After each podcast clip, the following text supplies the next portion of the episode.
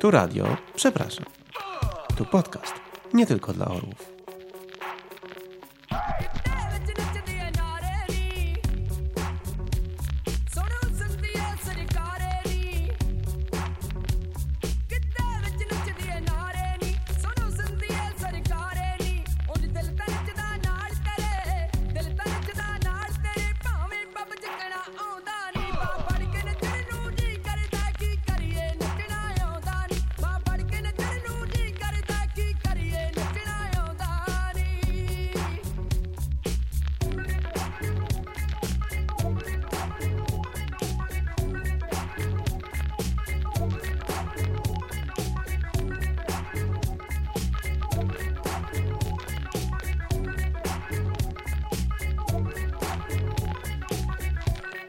Podcast nie tylko dla orłów.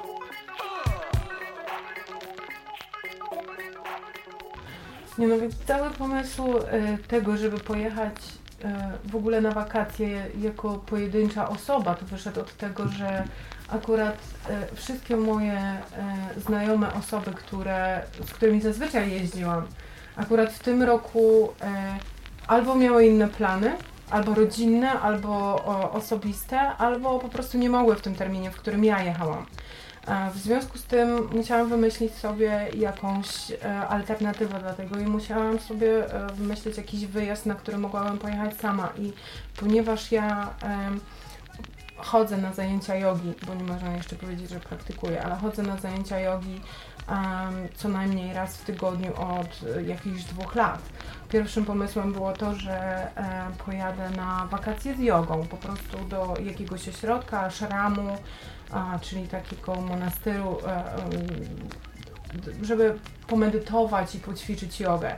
E, I jak zaczęłam sobie sprawdzać na stronach ośrodki i ashramy, to troszeczkę mnie to zniechęciło, bo ośrodki zazwyczaj były dosyć drogie, a nauczyciele ku mojemu zdziwieniu nawet w Indiach byli e, zagraniczni, nie hinduscy, nawet e, Amerykanie, Niemcy, Szwajcarzy, nawet jedna Polka a e, nie było jakichś takich właśnie. Nie, było to to, co ja, co ja sobie wyobrażałam, że to będzie. Czyli nie było to em, jakby bajkowe, takie hinduskie wyobrażenie, gdzie będzie pan sobie chodził w sari z długą brodą i będzie nas uczył, jak medytować i, i em, praktykować jogę. E, W związku z tym następny pomysł e, to był taki, że skoro tyle moich znajomych pojechało e, w podróż właśnie w bardzo egzotyczne miejsca, czyli na przykład Korea, Tajlandia, Japonia, Brazylia samemu, to czemu ja nie mogę tego zrobić? Zwłaszcza, że em, chyba stwierdziłam, że nadszedł taki moment w moim życiu, gdzie powinnam zrobić coś sama i dla siebie i że powinno to być coś, co e, wyjmie mnie z takiego kącika bezpiecznego w domu i że e, będzie to coś, na co ja się odważę i zrobię to sama i że będzie to taki jakby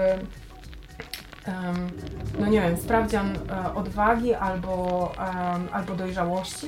Wiedziałam, że pojadę do Indii. W związku z tym, że yoga to kierunek Indie, a e, że w związku z tym, że inni znajomi, no to pojadę sama. I e, od tego zaczęło się jakby planowanie całej tej podróży i stąd właściwie jest też to, że pojechałam w ten konkretny rejon, a nie inny.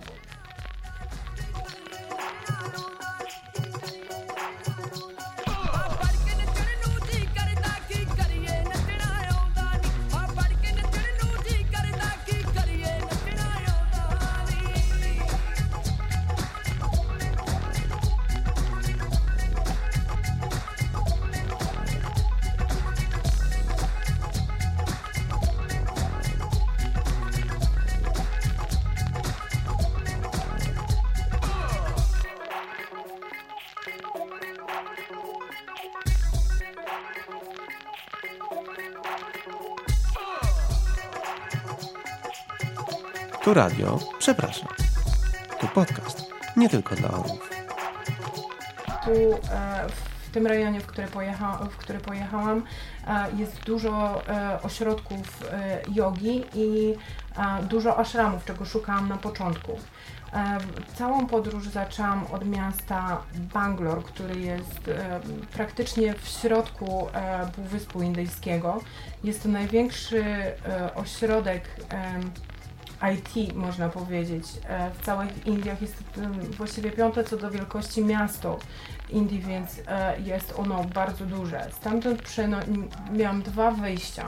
Miałam się prze- e, przemieścić do miasta Mysore, który jest właśnie takim dużym ośrodkiem nauczania jogi i ewentualnie do miasta Hassan. E, Później miałam przejechać do e, miasta Mangalore, e, stamtąd pojechać e, na Goa, ponieważ miałam tylko i wyłącznie dwa tygodnie na to, żeby przejechać całą tą trasę, a, a odległości no, były jednak dosyć spore.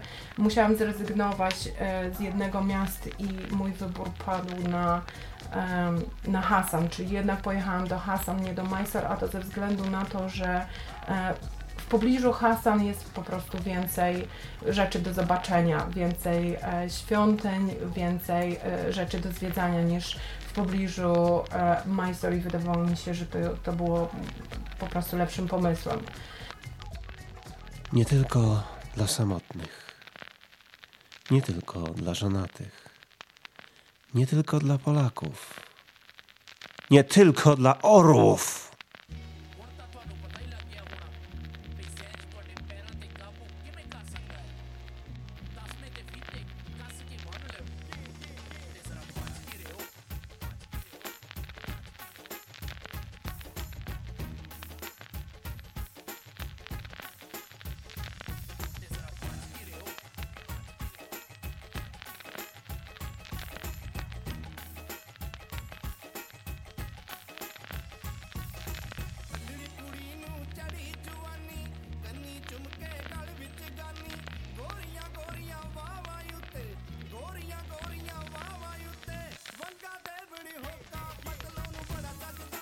Jeśli chodzi o e, samą podróż, em, Bangalore jest jednym chyba z najbardziej zwariowanych miast, jakie kiedykolwiek widziałam w życiu. To była moja pierwsza styczność z Indiami. Byłam bardzo oszołomiona i a, różnorodność rzeczy, jakie tam widziałam, e, była dość e, przytłaczająca. Mianowicie tam w tym mieście nowoczesność miesza się na każdym kroku z tradycyjnymi e, Indiami hinduistycznymi, Hindiami e, muzułmańskimi. E, można zobaczyć najbardziej wypasione samochody zaraz obok zwalisk dużych śmieci, na których pasą się bezpańskie psy i kozy. Mieszkałam chyba w najbardziej, w najstarszej, jednej z najstarszych części miasta, która jest jedną która jest bardzo blisko centrum jednocześnie. W związku z tym e, przejeżdżając przez centrum widziałam strzeliste, e, oszklone, e, e, bardzo nowoczesne budynki i za chwilę, trzy minuty później byłam już w okolicy, gdzie e, otwarte na ulicę sklepy, e, gdzie mm, po prostu ludzie sprzedawali e, mięso na ulicy, obok stały właśnie bezpańskie psy i kozy, które jadły odpadki, dzieci bawiły się tymi odpadkami, a niemalże e, wszystkie pomyje były wylewane e, na ulicę i to było naprawdę takie, można powiedzieć, Indie w pigułce. Ja się czułam bardzo przytłoczona tym miastem, chociaż muszę powiedzieć, że z perspektywy czasu jestem tym miastem zachwycona. To było jedno z najlepszych, e, jedno z najlepszych moich doświadczeń, jakie mogłam na sam początek e, dostać, ze względu na to, że później już wszystko wydawało się bardzo proste, łatwe, szło jak z płatka, nie było żadnych problemów.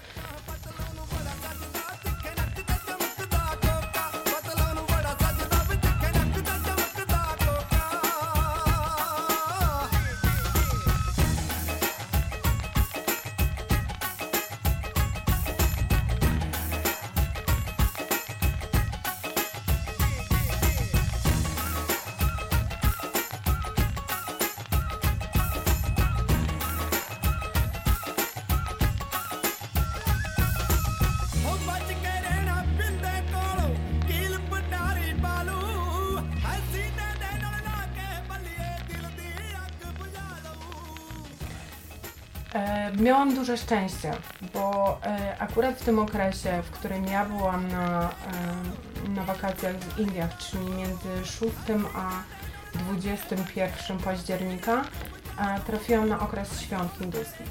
W momencie, kiedy przyjechałam do Bangloru, e, trafiłam na końcówkę święta e, Boga Ganesha, czyli Boga pomyślności, szczęścia e, i dobrobytu. E, I byłam e, świadkiem i e, mo można powiedzieć, byłam obserwatorem i w maleńkim stopniu uczestnikiem e, procesji, które e, kończyły święta, bo wokół mojego hotelu codziennie o godzinie 11 wieczorem e, przechodziła m, procesja wioząca figurę e, Boga Ganesha, e, który potem e, kilka dni później był zawożony nad morze, jeżeli miasto było nad morzem, w przypadku Bangloru to było jezioro e, i tam zostało po prostu spławiane, czyli wracał e, do, do swojego oryginalnego miejsca pobytu. Tak, ten Ganesh to jest ten, e, ten Bóg o twarzy słonia.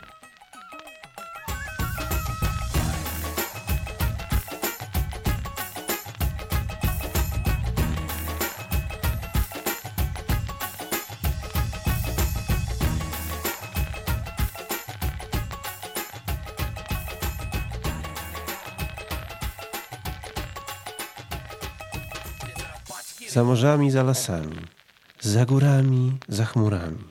Siedzi sobie ktoś, mówi takie coś. Nie tylko dla orłów.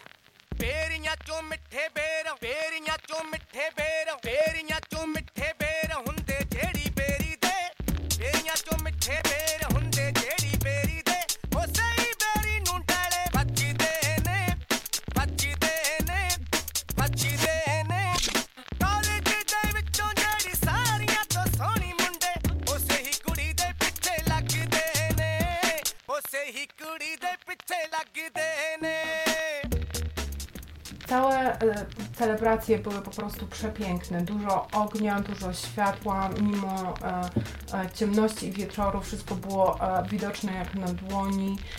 Figurki były przybrane przepięknie, bardzo kolorowo, dużo kwiatów, świecidełek, dużo muzyki, dużo bębnów, tańczenia i śpiewów na ulicy. I w tym momencie miałam jakby pierwszą próbkę gościnności Hindusów, bo jak tylko usłyszałam muzykę, hałas, śpiewy, krzyki e, na ulicy, wybiegłam, akurat byłam w trakcie kolacji, wybiegłam z restauracji hotelowej e, przed hotel, żeby zobaczyć co się dzieje. Oczywiście w ostatniej chwili zdążyłam złapać aparat.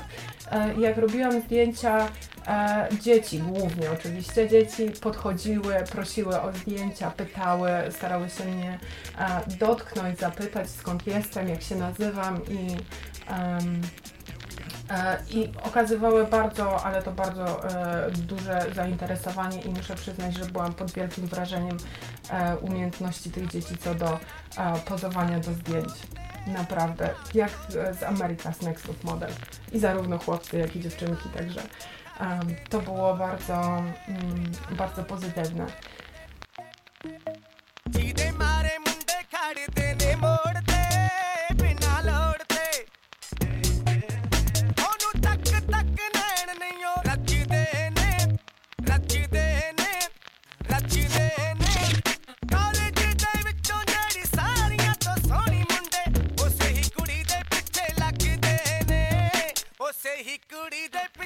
tak jak mówiłam wcześniej, byłam na, na samym początku byłam przytłoczona ogromem miasta, różnicą kultur co chwila zmieniającymi się e, widokami, krajobrazem, atmosferą miasta. W związku z tym e, dopiero drugiego dnia tak naprawdę wyszłam e, z hotelu, żeby cokolwiek e, zobaczyć w mieście i e, przewodniku Travel Planet było napisane, że i na niektórych forach również było napisane, że najlepszą formą zwiedzania w, tak, w takich miastach jest po prostu e, uzgodnienie z e, kierowcą tuk-tuka, którego sobie wybierzesz, e, całodniowej wycieczki za... E, i, I to rzeczywiście prawda. W momencie, kiedy podeszłam do, e, do tuk-tuka, który stał e, tuż przed moim hotelem i zapytałam się e, kierowcy, czy jest możliwość zabukowania sobie e, wycieczki na cały dzień, on powiedział, że tak, jak najbardziej nie ma problemu. E, Cała wyprawa kosztowała mnie około 400 rupii. I e, byłam e, od godziny 10 do godziny e, 17-18, czyli praktycznie do, do zmroku. Byłam wożona przez niego po największych atrakcjach e, Bangloru. E, oczywiście 400 rupii to jest bardzo niska cena, w związku z tym tutaj e, jakby mają dodatkowy sposób zarobku, mianowicie wożą turystów po e, takich sklepach z pamiątkami i e, z różnymi rzeczami, de, takiej hinduskiej cepeli można powiedzieć, e, gdzie generalnie ma taki kierowca płacony za to, że przywiezie klienta, niezależnie od tego, e, czy klient coś kupi, czy nie, ma po prostu wejść do sklepu i się rozejrzeć. E, Ja byłam zawieziona do około czterech takich sklepów, gdzie spędziłam po 10 minut e, w każdym, w związku z tym nie było, e, nie było problemu z tym, żeby, żeby taką wycieczkę załatwić. I byłam rzeczywiście obwieziona po każdym większym, każdym większym obiekcie i, i każdym takim bardziej atrakcyjnym obiekcie w Banglorze, który warto by było zobaczyć. Dostałam dokładnie tyle czasu, ile chciałam. W każdym z nich nie byłam ograniczona e, żadnym harmonogramem ani, e, e, ani koniecznością zdążenia gdziekolwiek na czas. W związku z tym naprawdę polecam taki, e, taki sposób zwiedzania.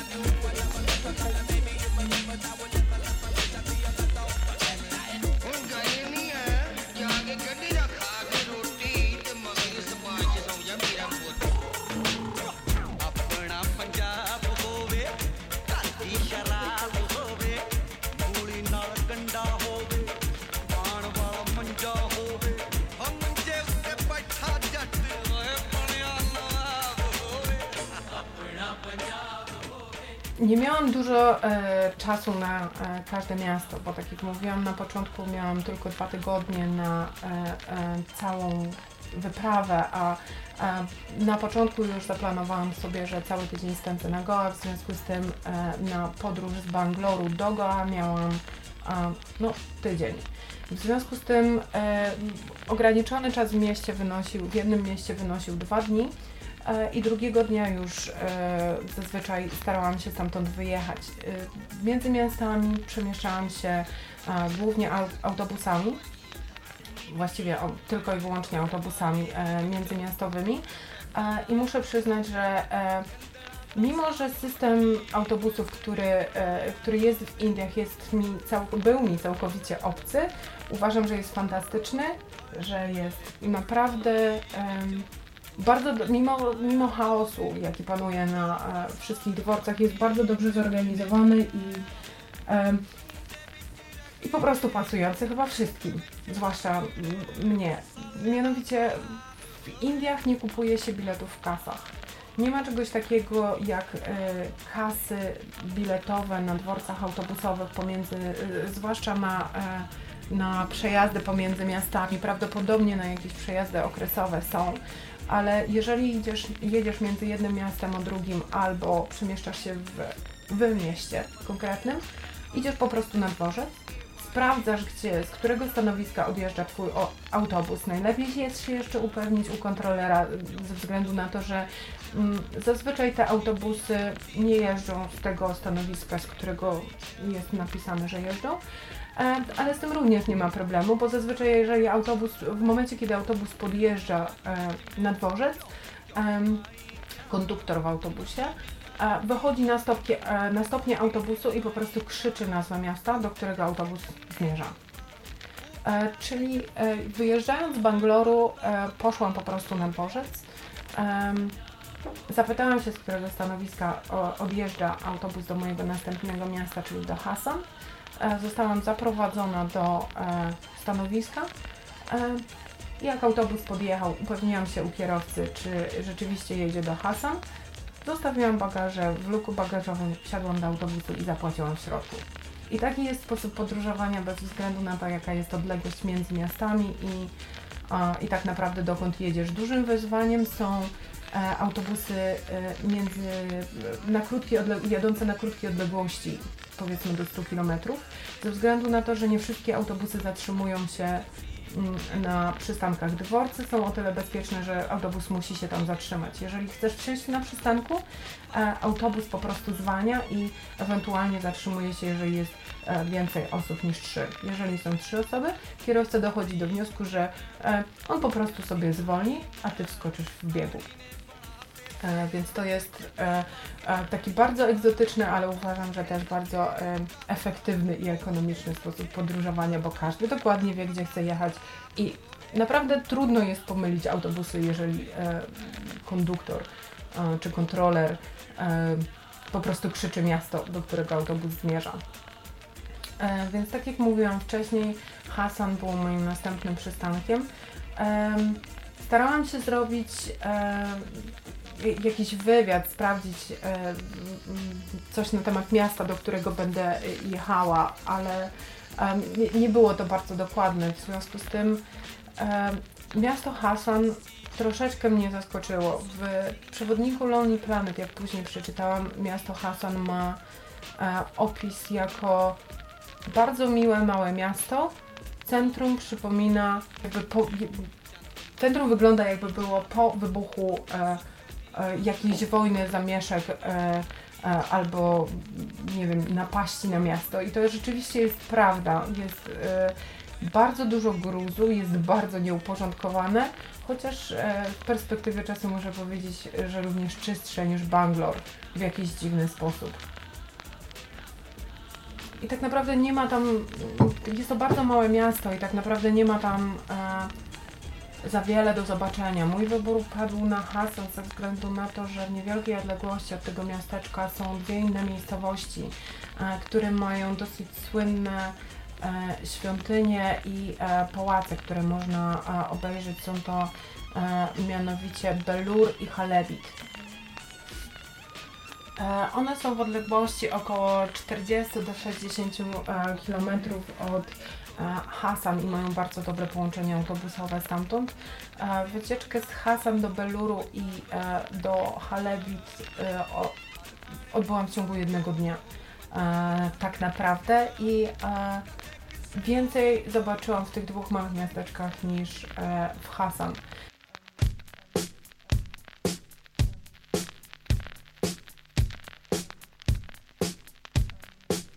Nie tylko dla samotnych, nie tylko dla żonatych, nie tylko dla Polaków, nie tylko dla orłów.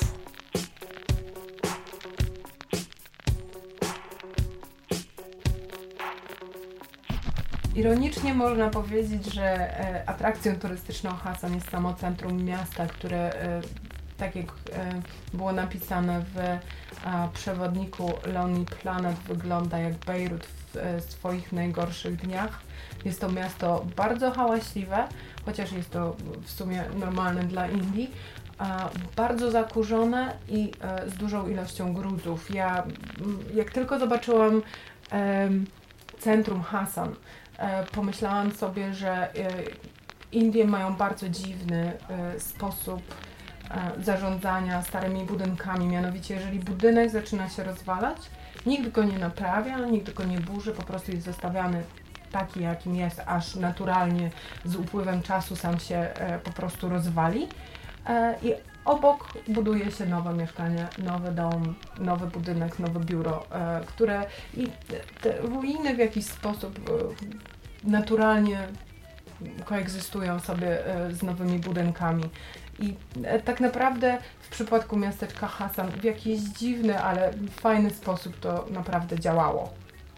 Hasan e, największą atrakcją, jaką e, mogłam zobaczyć, był miejski targ, e, który przypominał bardzo te targi, które e, znamy ze zdjęć reporterskich, z filmów o Indiach, e, z różnych opowieści i książek. To był e, taki typowy targ w małym miasteczku, gdzie można znaleźć absolutnie wszystko, od jedzenia przez bajecznie kolorowe farby do ubrań, rozłożone zaraz prosto na ziemi, na, na płachtach, rozłożone obok przepięknie e, wyglądających warzyw, owoców i przypraw, e, po e, sklepy pasmanteryjne,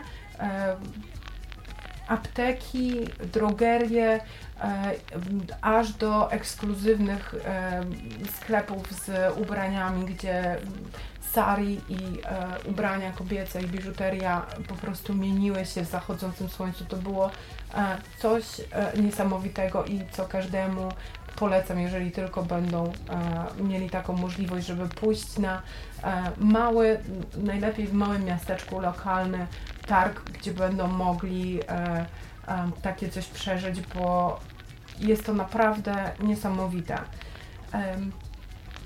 I tak jak mówiłam, oprócz tak naprawdę tego, mm, tego targu, tego marketu w Hasan, niewiele można zobaczyć. To jest tak jakby miasto dla mnie przejazdowe.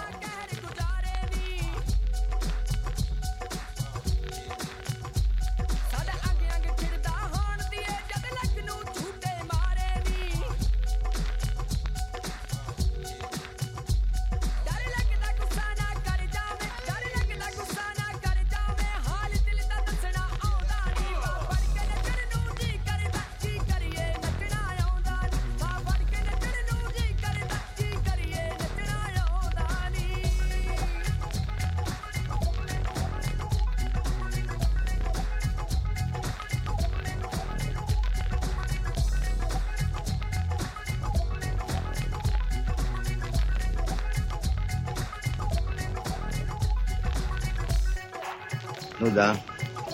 Nic się nie dzieje. Dialogi niedobre. Bardzo niedobre dialogi. W ogóle brak akcji jest. Nic się nie dzieje.